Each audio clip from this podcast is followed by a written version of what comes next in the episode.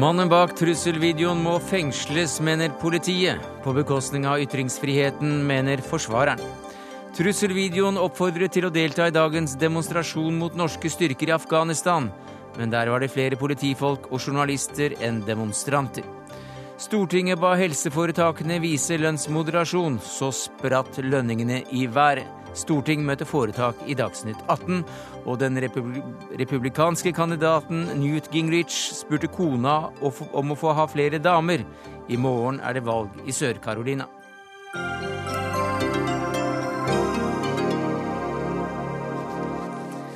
Ja, det er noen av sakene i Dagsnytt 18 denne fredagen, der vi også skal til det vestafrikanske landet Mali, der striden mellom tuaregene og regjeringen har ført til 50 drepte på to dager. Men vi starter med 21-åringen, som altså er siktet for å ha laget den omstridte trusselvideoen. Fengslingsmøtet i Nedre Telemark tingrett er nå avsluttet, og hva ble resultatet, reporter Kristina Førli Aas? Resultatet det har vi ikke fått enda. Det var et langt fengslingsmøte, varte i over eh, tre timer. Men eh, aktor ba om to ukers varetektsfengsling med brev, besøks- og medieforbud så får vi nok eh, kjennelsen i løpet av dagen i dag eller i morgen. Hva begrunnet eh, aktor dette med? Ja, aktor mener at eh, denne videoen kommer under denne nye paragrafen om oppfordring til terror, mens forsvareren derimot mener at det er ytringsfrihet. Ja, Du krevde altså som siktedes advokat full løslatelse, Jon Christian Ellen. Hva sier du nå? Nei, Nå vil jo dommeren ta stilling til spørsmålene. Det som var eh, viktig eh, å få avklaret, var jo at eh, sikkerhetspolitiet utelukkende mente at det er denne videoen som er problematisk, og at de altså mener at det er det som er grunnlag for at han eventuelt skal ha gjort noe galt. Vi er klare på at dette er en video som ligger innunder ytringsfriheten, og den ligger jo fortsatt ute på både YouTube og på Facebook, nettopp fordi at de mener den er beskyttet av ytringsfriheten.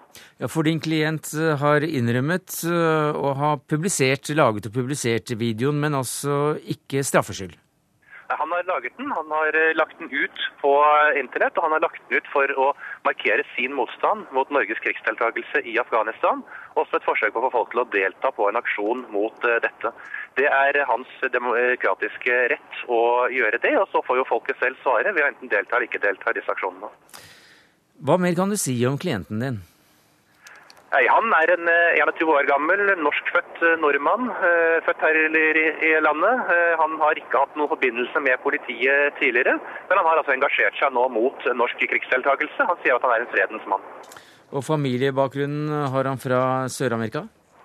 Det stemmer. Han er fra Sør-Amerika opprinnelig. eller Hans familie er opprinnelig fra Sør-Amerika. Hva mener han om den oppmerksomheten saken har fått? Han er veldig overrasket over dette. Han lagde dette hjemme på gutterommet som en uh, liten markering fra sin side. Uh, og trodde ikke at han skulle få oppmerksomhet i det hele tatt utover en svært lukket forsamling. Uh, nå har han fått mye oppmerksomhet, og det har overrasket han, og det er jo da sikkerhetspolitiet som har sørget for. Hvilken tilknytning har han til demonstrasjonen som ble avholdt i dag? Han var en del av en arrangementsgruppe som skulle stå bak denne aksjonen. Men eh, det er altså ingen organisert gruppe eller noen gruppe han har noe tilknytning til på annen måte. Når venter du at en avgjørelse faller om videre fengsling? vi regner med at den avgjørelsen vil foreligge i løpet av kvelden. Takk skal du ha, forsvarer Jon Christian Elden, og til deg, reporter Kristina Førli Aas. Kristine Ramberg Aasen, du er eh, reporter her i NRK, og du var til stede under denne demonstrasjonen som vi snakket om her foran Stortinget i dag, mot Norges engasjement i Afghanistan. Og både politiet og pressen hadde jo mobilisert eh, stort etter at denne videoen med eh, det som ble kalt grove trusler mot norske soldater, regjeringsmedlemmer og kongehuset ble offentliggjort. Eh, oppmøtet ble ikke som forventet. Nei, i hvert fall ikke for demonstrantene. De var nærmere 40 personer. De hadde jo på forhånd sagt at de skulle være mellom 500 og 700 personer. Så mange ble de ikke. Men eh, presse var der, og fullt av politifolk. Men jeg tror de var veldig skuffet selv over at oppmøtet var så lite. For de kom stadig i appellene sine kom de stadig med stikk til hjemmesitterne, som de kalte dem, og sa at Allah ser dere. Eh, videre så var det jo noen som ønsket å demonstrere mot demonstrasjonen, som snudde ryggen til de som holdt appell. Det var heller ikke altfor mange, men det var i hvert fall flere enn eh, demonstrantene. Og så hadde man jo de motdemonstrantene som var f.eks. Norwegian Defence League. Eh, de var ikke mange og ble plassert ganske langt unna. Eh, og politiet sa at de var så misfornøyd med plasseringen sin at de forsvant etter hvert. Hva var budskapet til de som tross alt da møtte opp? Budskapet var at norske styrker må ut av Afghanistan. De kalte Norge en krigsnasjon, og mente at eh, en krigsnasjon kan i hvert fall ikke dele ut fredsprisen. Eh, de sa at muslimer ikke har ytringsfrihet i Norge, for med en gang de ytrer seg, så blir de kalt ekstremister. Videre så ble det sagt at demonstrasjon ikke hjelper. Eh, men man må gjøre noe annet. Og da ble de oppfordret, eller de oppfordret hverandre til å dra til Afghanistan for å kjempe mot okkupasjonen. Uh, Arfan Bhatti holdt en appell. Det gjorde han, og han var kanskje den som var mest eh, aggressiv i det eh, budskapet. Altså Han eh, sa at Norge er fordømt til å tape krigen i Afghanistan. Og han sa at Norge er også i krig med muslimer, de er i krig med islam. Han sa også at vi kan ikke forvente, eller nordmenn kan ikke forvente en sikker, at Altså, sikkerheten kommer til å være truet her i Norge så lenge eh, vi, eh, Norge, har tropper i Afghanistan. Eh, og han sa at eh, derfor så må troppene trekkes ut av Afghanistan, så ikke krigen kommer til Norge. Takk skal du ha, Kristine Ramberg Aasen, reporter her i NRK, som også fulgte demonstrasjonen foran Stortinget i dag. Eh, Espen Barth Eide, forsvarsminister. Vi hørte her at hovedparolen, så å si, for de blant de få som hadde møtt opp i demonstrasjonen, var at Norge må trekke seg ut av Afghanistan, og det skal vi vel? Hele ISAF-operasjonen skal jo avsluttes siden 2014. Eh, men vi, altså, vi, er nå inne i et løp som vi har lagt sammen med våre allierte. Vi gikk inn med våre allierte og går ut med våre allierte. Og dette har da massiv støtte fra et samlet norsk storting og fra store deler av det norske folk. Og det gleder meg veldig å kunne si. Eh, når er det den siste norske soldaten kommer til å forlate afghansk jord? Den siste norske soldaten i ISAF, slik vi kjenner det i dag, vil forlate afghansk jord i 2014 sammen med de andre. Allerede i 2013 vil vi begynne å redusere nærværet, fordi at vi da gradvis avvikler det innsatsen vi har hatt i, i Maimane i provinsen Faryab, og samler ressursene da først og fremst i Mazar Sharif. Eh, men det er også i 2014 vi avslutter dette oppdraget. Etter det kan det tenkes at vi har noen enkeltpersoner knyttet til bl.a. militære skoler og annen type rådgivning. Fra denne demonstrasjonen mot norsk tilstedeværelse i Afghanistan, så skal vi eh, snakke om den norske kontingenten som kom hjem fra Afghanistan i dag, eh, Barth Eide. Du delte nemlig ut 350 ca. 350 i hvert fall, norske, norske, medaljer til 350 norske soldater på Gardermoen tidligere i dag. Hva slags Eh, hva slags medaljer var det? Ja, Det var jo da den medaljen eh, norske soldater får når de har vært i Afghanistan eh, over en viss tid. Eh, og den får da alle de som kom hjem og har eh, oppfylt det kriteriet. Eh, det er en veldig flott seremoni. og Det var veldig hyggelig å være der og møte hver enkelt personlig. Vi gikk rundt Eh, sjefen for Forsvarets operative hovedkvarter og jeg selv gikk rundt og, og, hilste på samtlige og snakket litt med dem. Og det jeg kan fortelle, var at det var en eh, meget fornøyd gruppe kvinner og menn i uniform som kom tilbake. De har gjort en strålende god jobb, og de føler også at den jobben de har gjort der, er veldig meningsfylt. Og vi er rett og slett veldig stolt av dem. Dette har vært en svært god kontingent. Ingrid Eire, du sitter som eh, oberst og norsk styrkesjef i Afghanistan de siste seks månedene og, og nikker til det Barth Eide sier. Hva slags seremoni var dette, slik du ser det? Ja, nei, For oss eh, soldater så er dette en viktig seremoni. Mm -hmm. Å oppleve anerkjennelse for den jobben vi gjør. For uavhengig av det politiske grunnlaget for, for innsatsen, så er det norske soldater som gjør en krevende jobb, er utsatt for risiko. Eh, og er fraværende fra hjemmet i seks måneder, og det fortjener de heder og ære for. Ja, hva var det du hadde ansvaret for i disse seks månedene? Ja, som kontingentsjef så har jeg det overordnede ansvaret både for rapportering hjem om sikkerheten, for understøttelse av styrkene, og ikke minst for eh, sikkerheten til norske soldater i Afghanistan. Hva var det viktigste dere gjorde i disse seks månedene, slik du ser det i dag? Akkurat nå så er jo Afghanistan inne i en veldig interessant og spennende tid. Nemlig med eh, at afghanerne selv er i ferd med å overta sikkerhetsansvaret eh, for eh, provins for provins. Og noe av det viktigste jeg gjorde, var vel kanskje nettopp å rapportere hjem om situasjonen og forholdene i det norske styrkebidraget, og da spesielt i Faryab, hvor vi har Provincial Reconstruction Team. Men selvsagt også Eh, det som er det viktigste hver eneste dag, å understøtte norske styrker, sånn at soldatene på bakken får gjennomført de operasjonene de skal, sammen med afghanske sikkerhetsstyrker. Dette er den første medaljeseremonien som sådan etter ti år, ifølge forsvarssjefen som skrev om eh, dette i avisen i dag. Eh, hva innebærer det? Nei, Det er vel ikke helt riktig, for det har vært mange medaljeseremonier. Men av slik omfang og Nei, altså av den det, typen? det han snakket om, var at det, nå har vi vært ti år i Afghanistan. Eh, og, og, og, sånn sett er det den første seremonien etter at vi har vært ti år. Men vi har jo hatt eh, denne type seremonier nå i lang tid når styrkene kommer hjem. Og, og, det at vi har vært ti år i Afghanistan er jo et poeng. Fordi at eh, vi har altså ti år bak oss og noen få år foran oss til ut 2014. Derfor har jo vi vært veldig opptatt av å nå ha alt fokus på å sette afghanerne i sentrum. De skal planlegge operasjoner, gjennomføre operasjoner. Vi skal støtte dem, men ikke gjøre det for dem. Vi skal være med dem, men ikke lede dem. Og Det er jo det eh, Ingrid Gjerde her snakker om som denne overføring av sikkerhetsansvar. Vi ser det slik at det kommer til å skje i 2012 i vår provins. Vi mener at eh, de afghanske styrkene og afghanske sikkerhetsinstitusjonene er klare til det. Det mener også guvernør Shafak, som vi har jobbet tett opp mot, og som altså er provinsguvernøren i, i Faryab. Eh, og så ønsker vi at det skjer i 2012. Så vil vi være der en stund etterpå for å følge dem et stykke videre.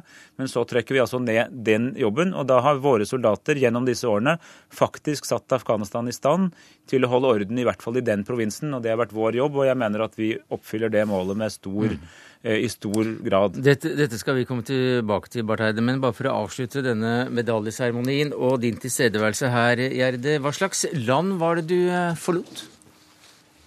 Afghanistan ja, det er jo et land jeg i hvert fall har lært meg å sette stor pris på. Eh, mangfoldig, mangslungent. Eh, men det er et land som, eh, hvor man ser innsatsen gjennom ti år har gitt eh, resultater, men hvor det samtidig er opplagt at det trengs eh, internasjonal innsats der i mange år fremover. Jo, i kveld så blir det vanlig fredagstaco og gullrekka på TV. Ja, det blir hjemmelagd pizza og kos med ungene. Takk skal du ha, Ingrid Gjerde, eh, oberst og norsk styrkesjef i Afghanistan de siste seks månedene. Eh, Barth Eide sier altså at i 2000, innen 2012 så er for så vidt mye av jobben som vi som land i Norge tok på oss i det området som vi hadde spesielt ansvar for. Er, du, er det slik du også ser det, Harpviken? Du er leder for PRIO. Ja, altså Jeg har ikke noe behov for å bedømme den norske innsatsen i Afghanistan spesielt. De norske soldatene utgjør i dag ca. 0,3% av det totale internasjonale nærværet.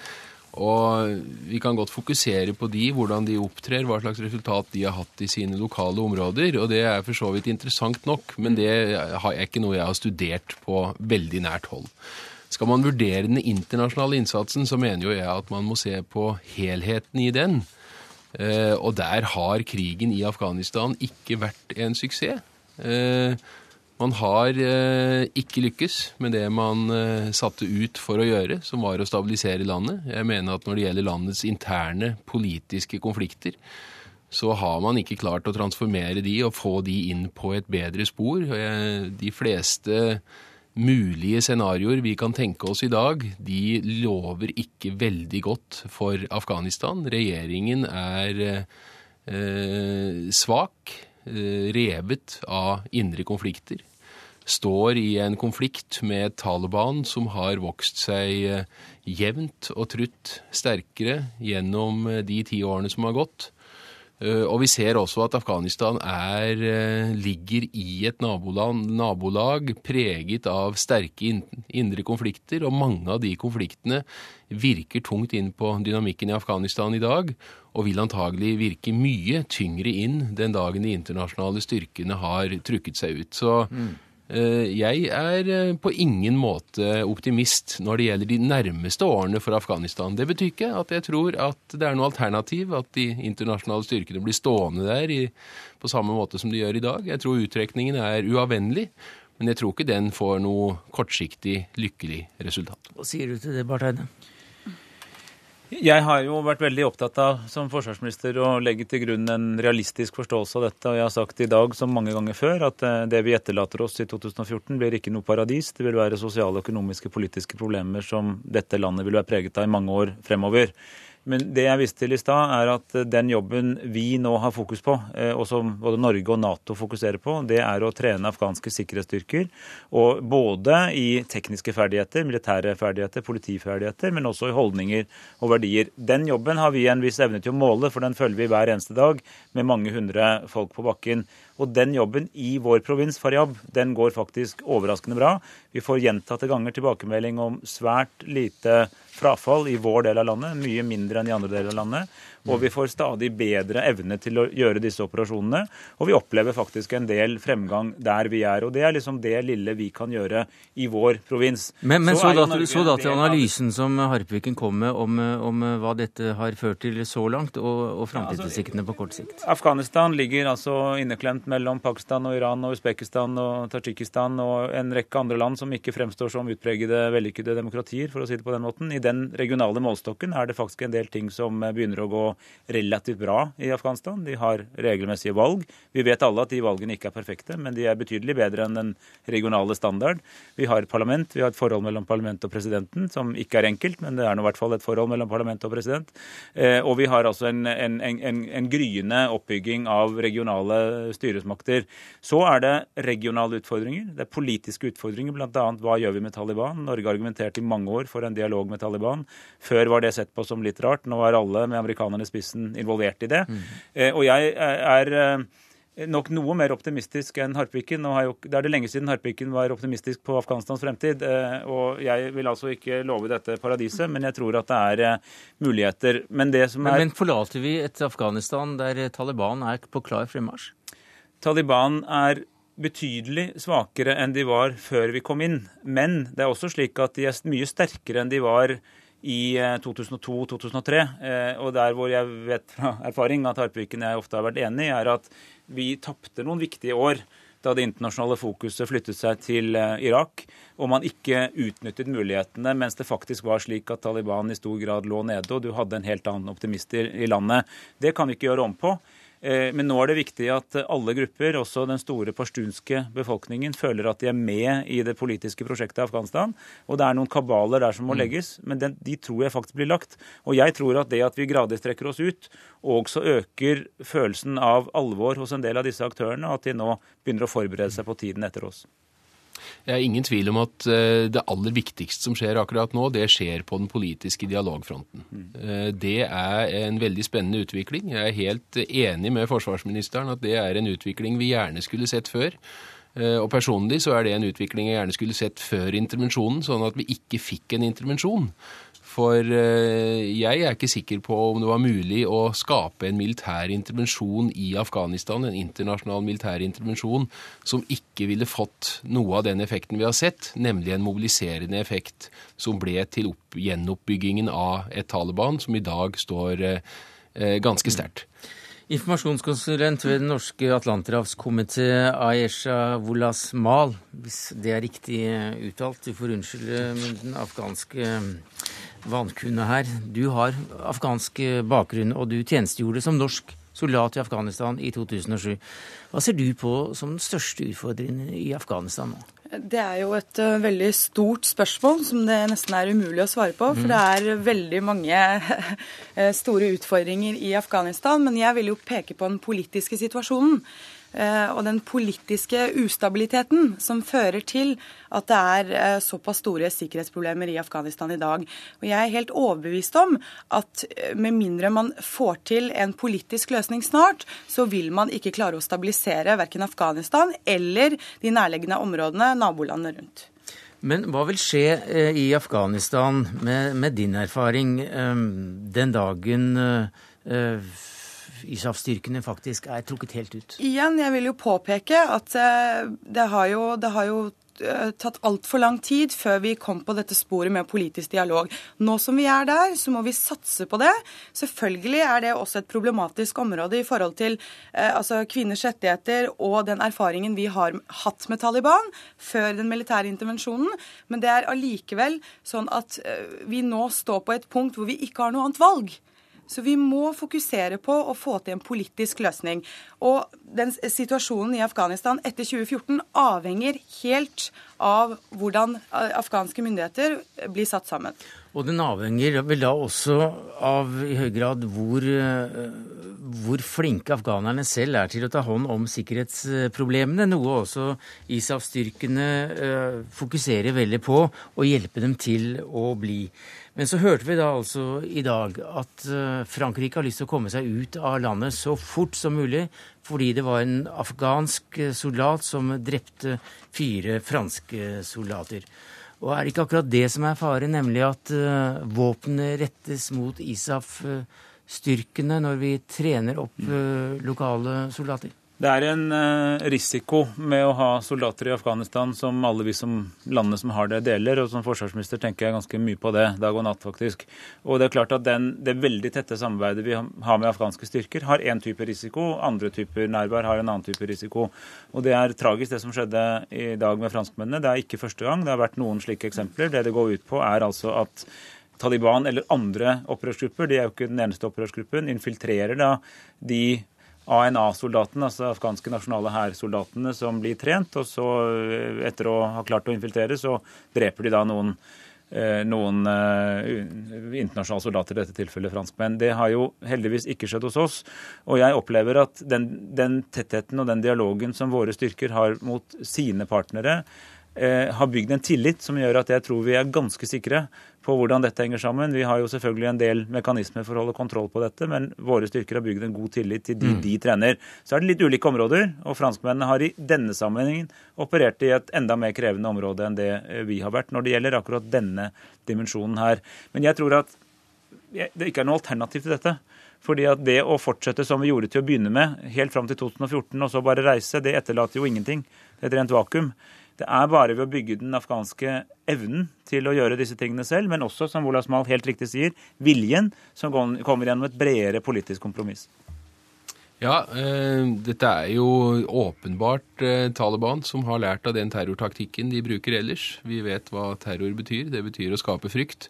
Og det er klart, eh, når det skjer, som skjedde med franske soldater i dag, så er jo det nettopp Eh, designet for å skape frykt også hos andre mm. soldater. Og det virker jo for Frankrike.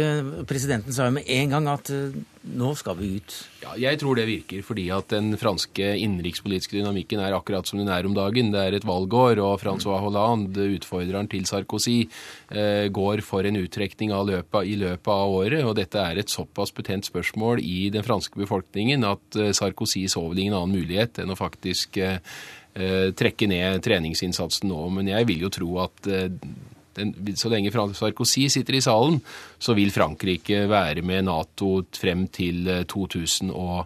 Eh, Men Ayesha Wolasmal, du har skrevet i en kronikk i Dagbladet denne uka der du skriver at utdanning er, er nøkkelen til utvikling i, i dette landet. Hvordan da?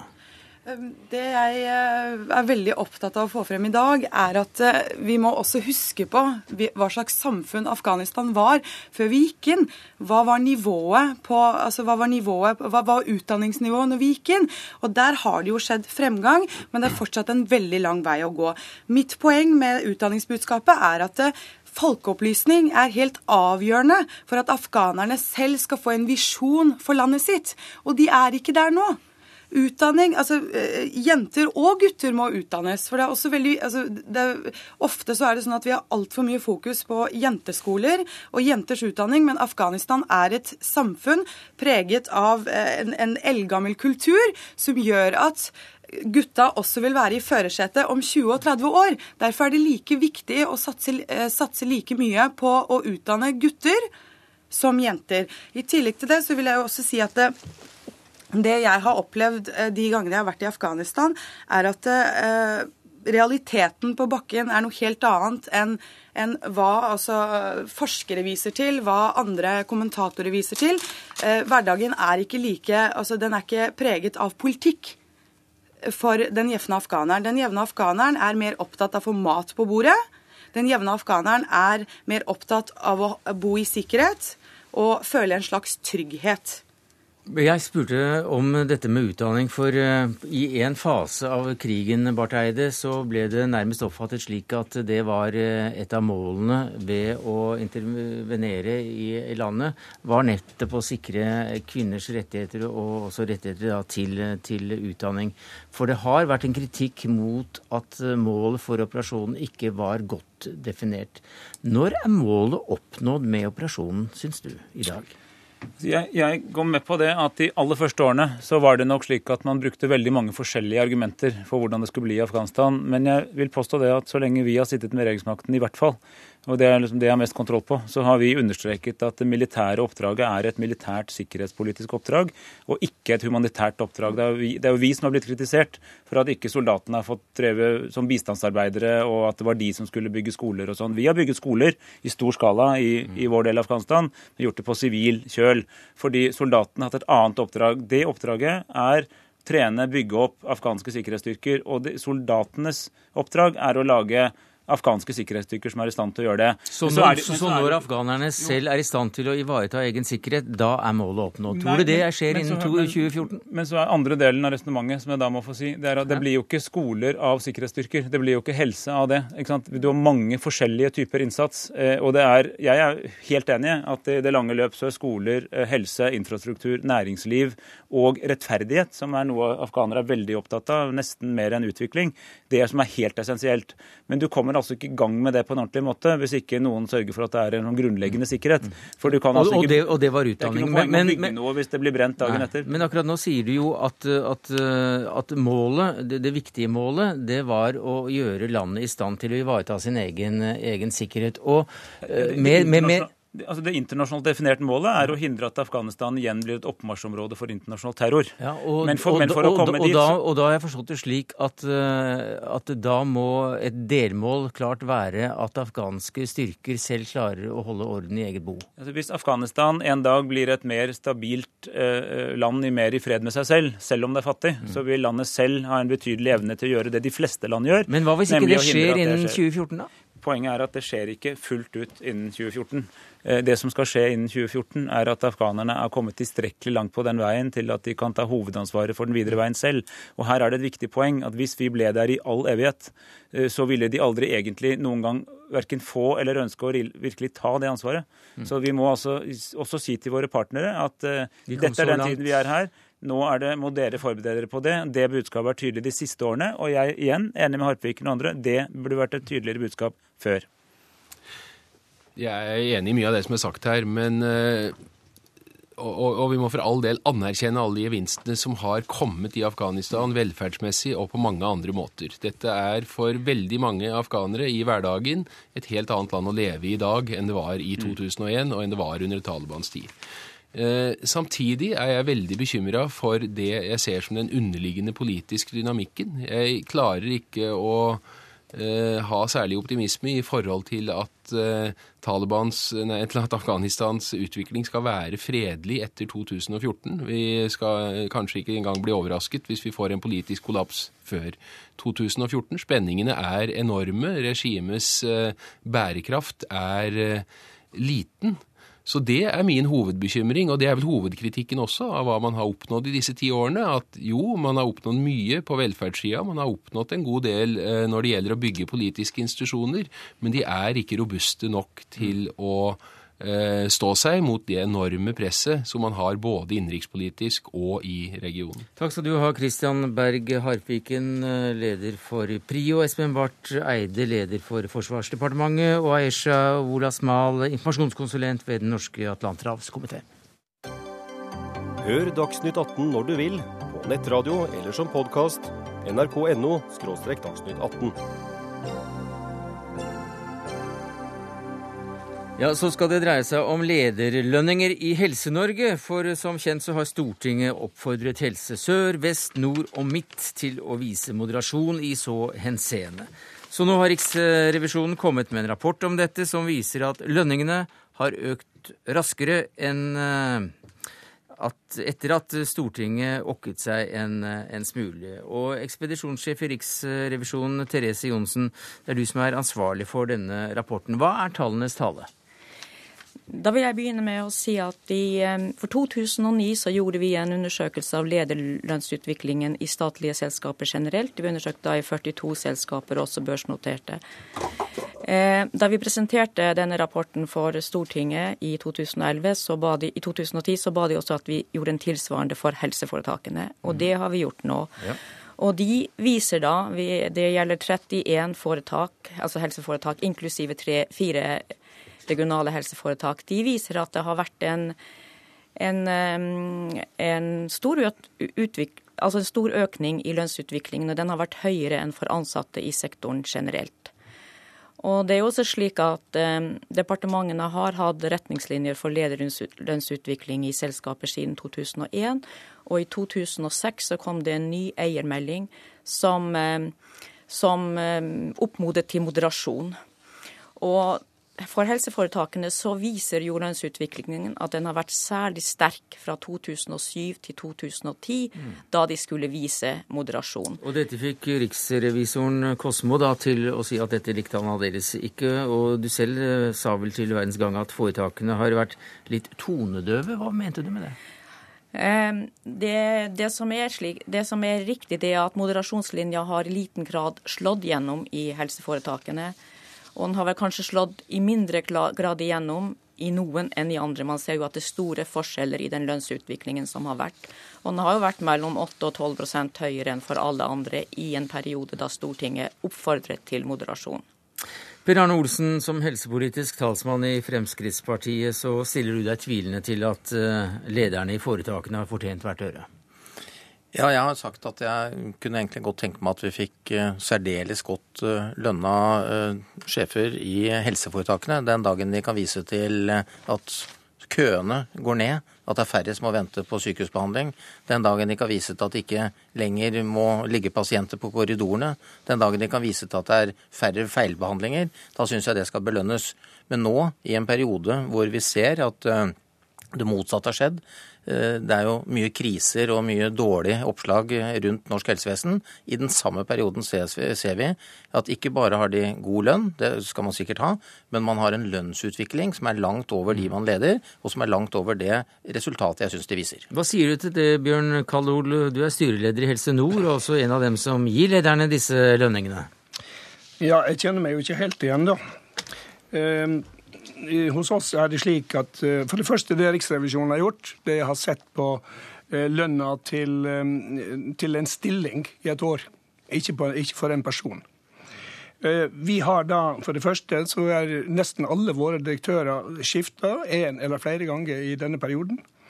Ved nyrekruttering er det ofte at vi må strekke oss litt lenger for å få den kompetansen som vi må ha. Ja, litt lenger? Det er snakk om flere hundre tusen her? Ikke i en strekk, nei. Over år kan det være det. Så er det det at eh, vi omorganiserte, la ned et helseforetak. Og la de bitene over i to av våre større helseforetak, som da fikk et vesentlig utvida ansvars- og virkeområde. Ja, Men da er jo alt i orden, for da er jo det en helt annen stilling, Per Arne Olsen? Ja, jeg har uh, faktisk sett den pressemeldingen som uh, da Helse Nord sendte ut uh, med dette svaret. Og jeg har skrevet et brev for en par dager siden til Helse Nord som jeg ikke har fått svar på ennå. Fordi Eh, jeg er litt i tvil om hvor mange eh, næringslivstopper de har rekruttert. De viser i sin pressemelding til at det er for å rekruttere mennesker fra næringslivet og bytte av jobb. Mitt eh, inntrykk, uten at jeg kjenner de lokale forhold, er at man faktisk ofte bytter jobb mellom helseforetakene. Det er mange som har vært i andre stillinger som begynner andre steder i helseforetakene. Så hvor mye man har vært ute i næringslivet og henta nye krefter, det vet ikke jeg. Men det har jeg som sagt bedt om å få en oversikt over, mm. og den venter jeg på i spenning. Kaldor, du kan jo komme inn akkurat nå? Folk fra næringslivet, og vi har rekruttert folk f.eks. fra legestanden som, som, tjener godt i de type, de, den type kvalifikasjoner som vi skal ha. Men det gjelder å illustrere eh, hva som er vår situasjon. Vår administrerende direktør har da i den perioden fra 2007 til 2011 hatt en lønnsvekst på ca. 4% De to siste årene henholdsvis 3,5 og 3,9 Det er helt i tråd med den lønnsutviklinga som har vært i vårt tariffområde. Ja, dette er vel ikke noe å bråke så mye om, Therese Johnsen? Det er, det er, slik at uh, lønnsutviklingen har ikke vært så sterk for, for, direktørene for de regionale helseforetakene, altså de fire. Men hvis vi ser i den perioden da man skulle vise moderasjon Men hvis man ser på helseforetakene generelt, så har den vært uh, ganske god, da, for å si det sånn. Så man kan godt finne enkelteksempler på folk som ikke har på stillinger eller personer ved utgangen av 2010 som ikke har hatt en formidable lønn. Men som helhet? Men som helhet så, så har det vært en, en, en, sterk lønnsøkning. Og det er vel mot departementets eh, holdning også i denne saken, statssekretær i Helse- og omsorgsdepartementet Robin Koss? Ja, Vi er eh, veldig opptatt av at eh, man skal vise moderasjon. Eh, spesielt i den alvorlige økonomiske situasjonen som er i Europa nå, så må vi ha moderasjon innenfor lederlønner, og det gjelder også innenfor helsesektoren. Derfor har vi stilt klare krav om moderasjon, en begrensa lederlønnsutvikling. Det ser vi at de regionale helseforetakene, som er de som vi i departementet eier direkte, der har det vært en begrensa lønnsutvikling. Men vi kommer til å følge opp dette dette eh, tett, spesielt nå framover. Og kommer også til å endre eh, vedtektene, slik at vi får større mulighet til å følge med på denne utviklinga enn det vi har eh, i dag. Men det som jeg syns er veldig synd, altså jeg skal gjerne diskutere moderasjon og lederlønn, men når Fremskrittspartiet bruker denne anledningen til å sverte resultatene til sykehusene Her har vi sykehus rundt omkring i Norge som har levert bedre enn noen gang. De har brakt oss opp i verdenstoppen i overlevelse i kreft, hjerteinfarkt, hjerneslag, europamestere i transplantasjoner. Vi har tredoblet behandlingen av hjerteflimmer i løpet av et år. Her får man til mye, men det betyr ikke at man ikke skal vise moderasjon. Jeg er enig i alt uh, bra som foregår i, i, norsk helsevesen, og jeg har ikke sverta norsk helsevesen. Snarere tvert imot. Jeg bruker mye av min tid til å reise rundt og si hvor mye bra som skjer. Jo, men du, men, du innledet jo ved å si at uh, disse lønningene ikke sto i forhold til resultatene. Ja, og, og jeg føyde til når sykehus, altså køene for å få behandling har bare økt uh, i den samme perioden. når Eh, når Ablasjon, som, eh, som Kåss nå viser til, ja, de har dobla nå siste året mm. kapasiteten. Tredoblet? Ja, tredoblet, unnskyld. Men uh, det er altså ventetider tidvis opp til tre år, til tross for en garanti på seks måneder. Jeg prøver å påpeke at det er mye som ikke er bra, til tross for at mye er bra. Og det er når køene går ned, når folk får kreftbehandling tidligere, når de oppfyller den kreftgarantien de har gitt, da syns jeg det er veldig bra å gi god lønnsvekst. Og for all del, jeg har ikke noe imot at folk blir lønna skikkelig. Men vi er altså i en prosess eh, f.eks. i OUS hvor det skal settes eh, eh, snarere nesten 1000 mennesker på porten.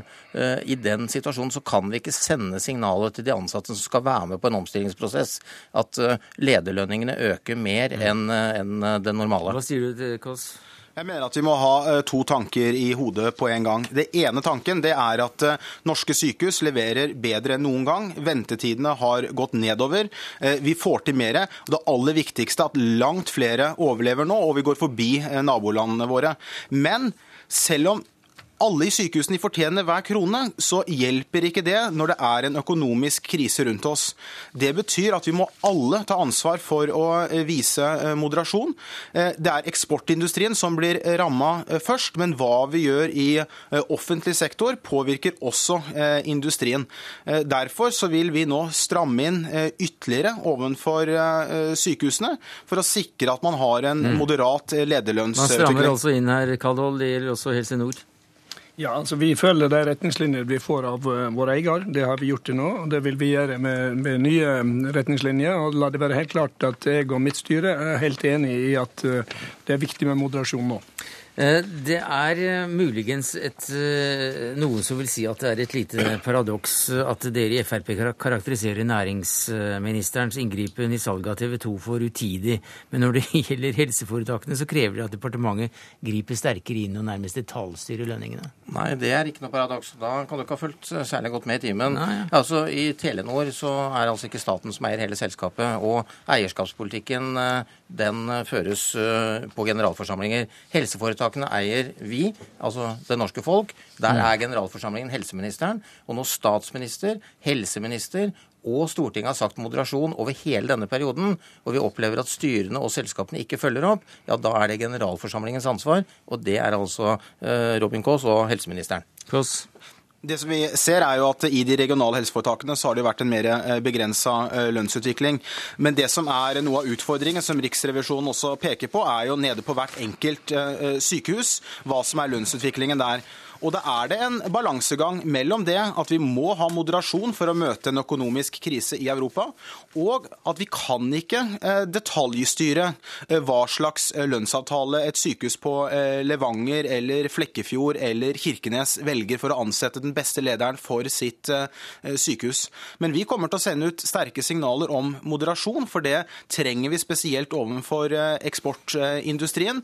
Men styret på hvert enkelt helseforetak, hvert enkelt sykehus eh, må gjøre eh, beslutningene, men vi forventer at de eh, følger opp. Og vi kommer til å endre vedtektene slik at vi får en større mulighet til å følge opp enn det vi har i dag. Det er advarselen sendt til de mange sykehusene rundt omkring i landet. Fra deg, Robin Kvål, statssekretær i Helse- og omsorgsdepartementet. Bjørn Kallol, takk skal du ha som styreleder i Helse Nord. Therese Johnsen, ekspedisjonssjef i Riksrevisjonen. Og til deg, Per Arne Olsen, helsepolitisk talsmann i Frp.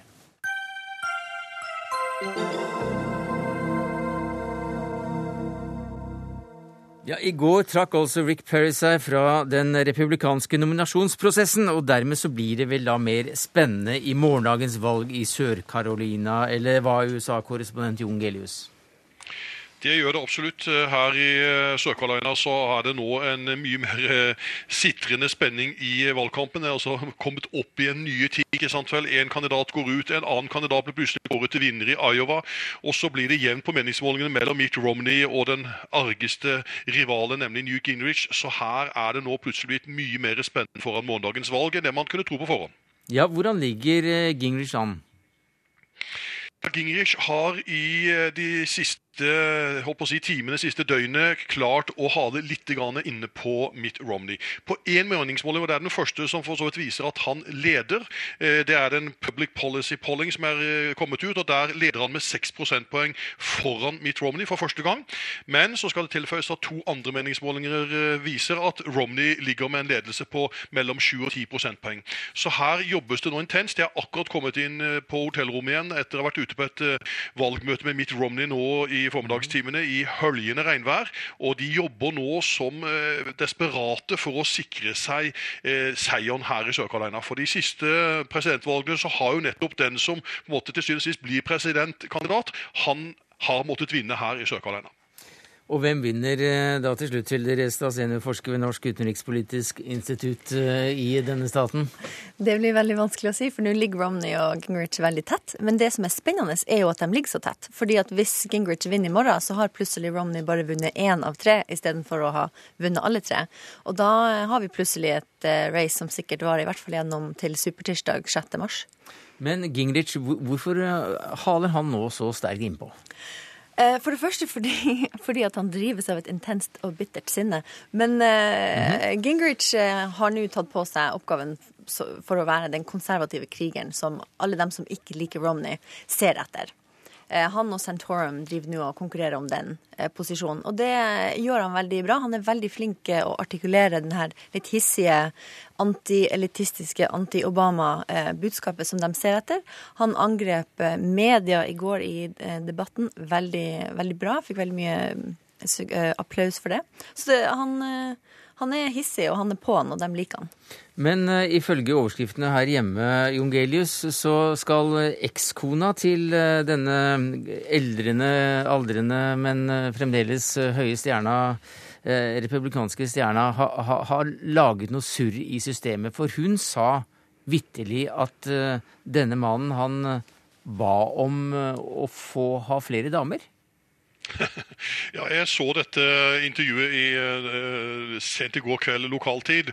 Uh, og Det er et underlig intervju. Uh, Ekskona står fram og sier at Newt Gingrich ba om å ha et åpent ekteskap. At han både skulle beholde henne og elskerinnen. det avviste jo Newt Gingrich i nattens debatt momentant, og var meget aggressiv, som Restad var inne på fra studio, i den debatten. Og jeg, Det er veldig vanskelig å si om den, den gamle si, hevntoktet fra ekskona har noe å si så mange år etter. Gingrich kampanjen har jo i dag prøvd å dempe dette helt ned. De klarte å mobilisere hans to døtre i går også, som sa at eh, dette hører eh, fortiden til og, og burde aldri vært ute i det offentlige rom. Og det var mye kritikk også mot TV-stasjonen ABC som sendte dette intervjuet.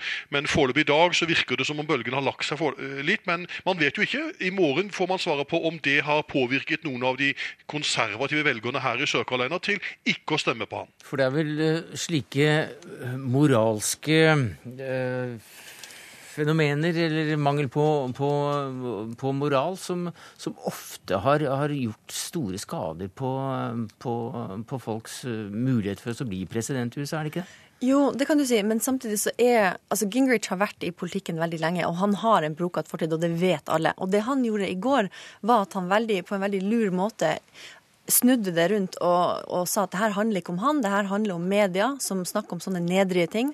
Og den liberale media sin evne til å bestandig fokusere på konservative heller enn å kritisere Obama, som er grunnen til at alt går så dårlig i USA, og fikk kjempestor applaus. Og det er derfor de elsker han. Men hva da med Santorum?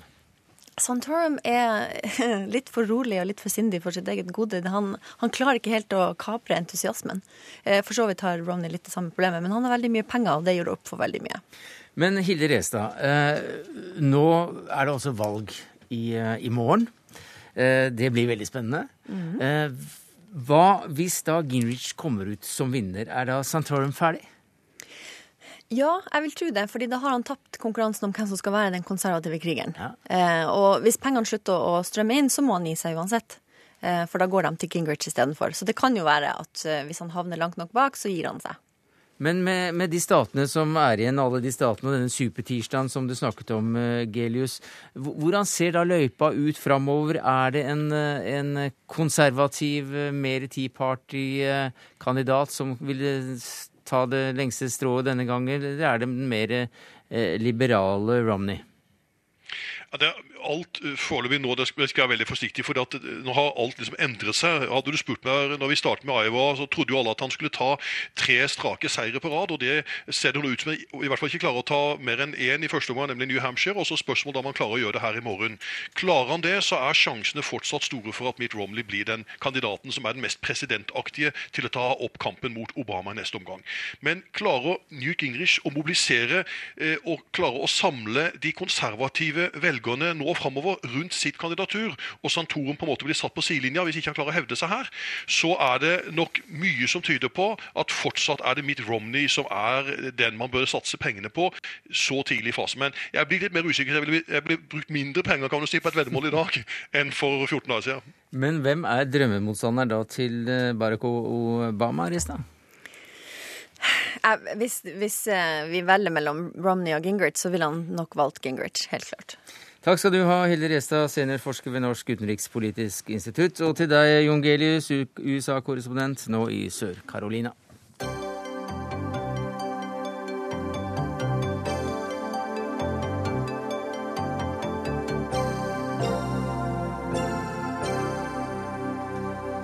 Så til situasjonen i det vestafrikanske landet Mali, der den ulmende konflikten mellom tuaregene og regjeringen har flammet opp, med rundt 50 drepte som resultat så langt. Og hva er det da som har skjedd, utenriksmedarbeider Sissel Wold? Ja, disse kampene har rast i to dager, og det er uh, tuareg-opprørere som uh, da gjør opprør mot uh, regjeringen i Mali. De vil ha en egen selvstyrt start, eller mer et område, i den nordlige delen av Mali. Hvem er disse opprørerne? Ja, det er fra denne eh, nomadestammen tuaregene. Og en del av de som gjør opprør nå, de har faktisk vært leiesoldater i Libya for Gaddafi. Så de kommer tilbake veltrent. De har mye våpen, for det var jo ikke noe mer for dem å gjøre i Libya nå. Så de er tilbake. Og de eh, har dannet da, sammen med andre tuareger, den eh, nyopprettede nasjonale bevegelsen for frigjøringen av Asawad. Og det er dette området de ønsker å få eh, til sitt eget eh, selvstyrte område. Et område med mye sand. Det er eh, i Sahara-ørkenen. Et tørt område. Eh, der vil de eh, eh, ha sitt eget område. Takk skal du ha, utenriksmedarbeider Sissel Wold. Det er jo ikke første gang blod flyter i kamper mellom tuaregene og regjeringen i Mali. Hva slags konflikt er dette i bunn og grunn, Atle Sommerfelt? Det er en eh, konflikt som har flere dimensjoner. Eh, eh, det er en gammel konflikt mellom nomader og fastboende, med konflikt rundt ressurser og tilgang til områdene rundt den store elven, Niger-elven, som jo renner i denne delen av, av Mali så er det en konflikt eh, som handler om et stort land med få mennesker og en regjerings styringsapparat som er i sør i landet, og som da eh, er langt unna eh, i, på alle måter eh, det som er i Nord-Mali. Noen hundre mil? Det er rett og slett noen hundre mil. Og det er, det er jo slik at å reise med bil på gode, rette og flate veier, det tar altså et par-tre dager med stor fart å komme opp i der hvor du begynner på områdene med Nord-Mali. Nord, Nord så er det da, det, og det er det som blusser opp med jevne mellomrom. Men så er det jo slik at alle sånne konflikter eh, blir ofte stimulert av eksterne eh, faktorer. Og i konflikten i 2009 så var det, ingen, så var det helt åpenbart at det var eh, innflytelse fra Al Qaida og radikale jihadister som forsøkte å få en dominans i området. Og nå uh, hører vi jo at uh, de hjemvendte leiesoldatene fra Libya spiller i dette. Og det er tilstrekkelig med sosialt grunnlag for å skape en konflikt her. Sommerfelt, vi har bedt deg komme hit, for du er jo da enn så lenge generalsekretær i Kirkens Nødhjelp, som spilte en rolle, og forholdsvis ukjent rolle, ifølge medieoppslagene i hvert fall, i en eh, tidligere fredsprosess for å få regjeringen og tuaregene til å slutte fred. Hva dreide dette seg om? Det var den klassiske konflikten. Men hva gjorde dere der? Eh, ja, Kirkens Nødhjelp hadde jo da et stort program i Nord-Mali. Eh, og først og fremst og primært arbeidet man med tuareger, men ikke bare. Og så ble da denne konflikten den utviklet seg. Det ble en ganske kraftig væpnet konflikt. Og Kirkens Nødhjelp hadde ansatte, eller tidligere ansatte, både som ministre i regjeringen og som ledere av Tuareg-opprøret. Mm. Så det var mye hemmelige kontakter på begynnelsen av 90-tallet uh, uh, som Kirkens Stødrett var involvert i da, for å prøve å skape samtaler mellom disse, som jo kjente hverandre. Og det er Eh, og det var jo en stor kampanje mot Kirkens Nødhjelp i eh, hovedstaden. Fordi man mente at vi hadde en veldig politisk agenda. Og det var syv eh, Kirkens Nødhjelp lokale medarbeidere som ble massakrert knyttet opp til dette. Men så ble det jo da en våpenhvile. Og da kunne man da koble seg på troverdigheten som man da faktisk hadde, for det var ekstremister på regjeringssiden og i sør som da hadde disse beskyldningene mot KN. Eh, og under beskyttelse av eh, regjeringen og våpenhvileavtalen så satte man da i gang med en, en, en, eh, en prosess. Niel Loftus var leder og idémaker. Kåre Lode gjennomførte den. Lokal konfliktløsning. Titalls av landsbyer samlet folk sammen. De snakket om, om, hvordan ting hadde vært, hva som har vært galt. Samlet inn våpen. Mm. Og sluttet da med et stort bål hvor man da brente våpenet i Timbuktu. Mm. For Timbuktu, som jo er eh, Som mange av oss eh, først og fremst kjenner fra 1001, 101 eh, dalmatinere. Men det er jo, ligger jo her, og er jo den store kulturelle hovedstaden. Og det, så ble det reist et minnesmerke akkurat der våpenet ble, ble ble brent, og det står fremdeles. Eh, men Kirkens Nødhjelp hadde også da, eller sto for en, en ganske så ukjent suksesshistorie når det gjelder eh, norsk fredsarbeid. Hvorfor har ikke dette blitt veldig godt kjent? Jeg tror det kan være to hovedgrunner til det. Den ene grunnen var at den foregikk i et fransktalende land, eh, og det er ikke så mange journalister som kan fransk. Men det andre var at metoden var ikke så veldig sånn event-orientert. Det var ikke så spektakulært? Nei. Det handlet jo om at du reiste rundt i alminnelige landsbyer i Nord-Mali og snakket med folk. Denne nye konflikten i et av landene som Kirkens Nødhjelp har vært i flere tiår, var vel ikke akkurat eh, den avskjedspresangen eh, du som generalsekretær i Kirkens Nødhjelp hadde ønsket deg. Men la oss bruke de siste to minuttene av Dagsnytt 18 denne fredagen på at du i dag sier farvel til Kirkens Nødhjelp etter 17 år som generalsekretær. Hvilken utvikling eller bistandsminister har du likt best? Eh, jeg har du, Nå kan du si det. Ja, nå kan jeg si det, vet du. Jeg må si det at både Erik Solheim og Hilde Frafjord Jonsson har vært viktige og gode bistandsministre i min tid. Og det har vært morsomt å utfordre de jevnlig. Ja, For du har også slitt ut fem bistandsministre i løpet av disse årene. Hvem var den verste, da? Det vil jeg ikke kommentere. Eh, hva er trenden i bistanden nå? Er det én til én, eller er det gjennom FN? Eh, jeg tror at trenden går mye mer gjennom eh, flernasjonale og multilaterale mekanismer. Så tror jeg at vi i Norge ser en tendens hvor vi begynner å eh, ta til oss den alminnelige øvre middelklasses forhold til fattige. Det er i grunnen de fattiges skyld, og ikke vår skyld. Og det er den største utfordringen framover. At vi som nordmenn forstår at vi er ansvarlig for at andre mennesker lever i fattigdom. I slutten av måneden blir du ny biskop i Borg, en, en del av Norge altså. Østfold er det stort nok for en som er vant til verden som uh, lekegrind i en snau manns alder? Det er, jo, det er, jo, Østfold og store deler av Akershus, da. Så det er jo, det er jo mange mennesker, mennesker som bor der. Ja, det tror jeg.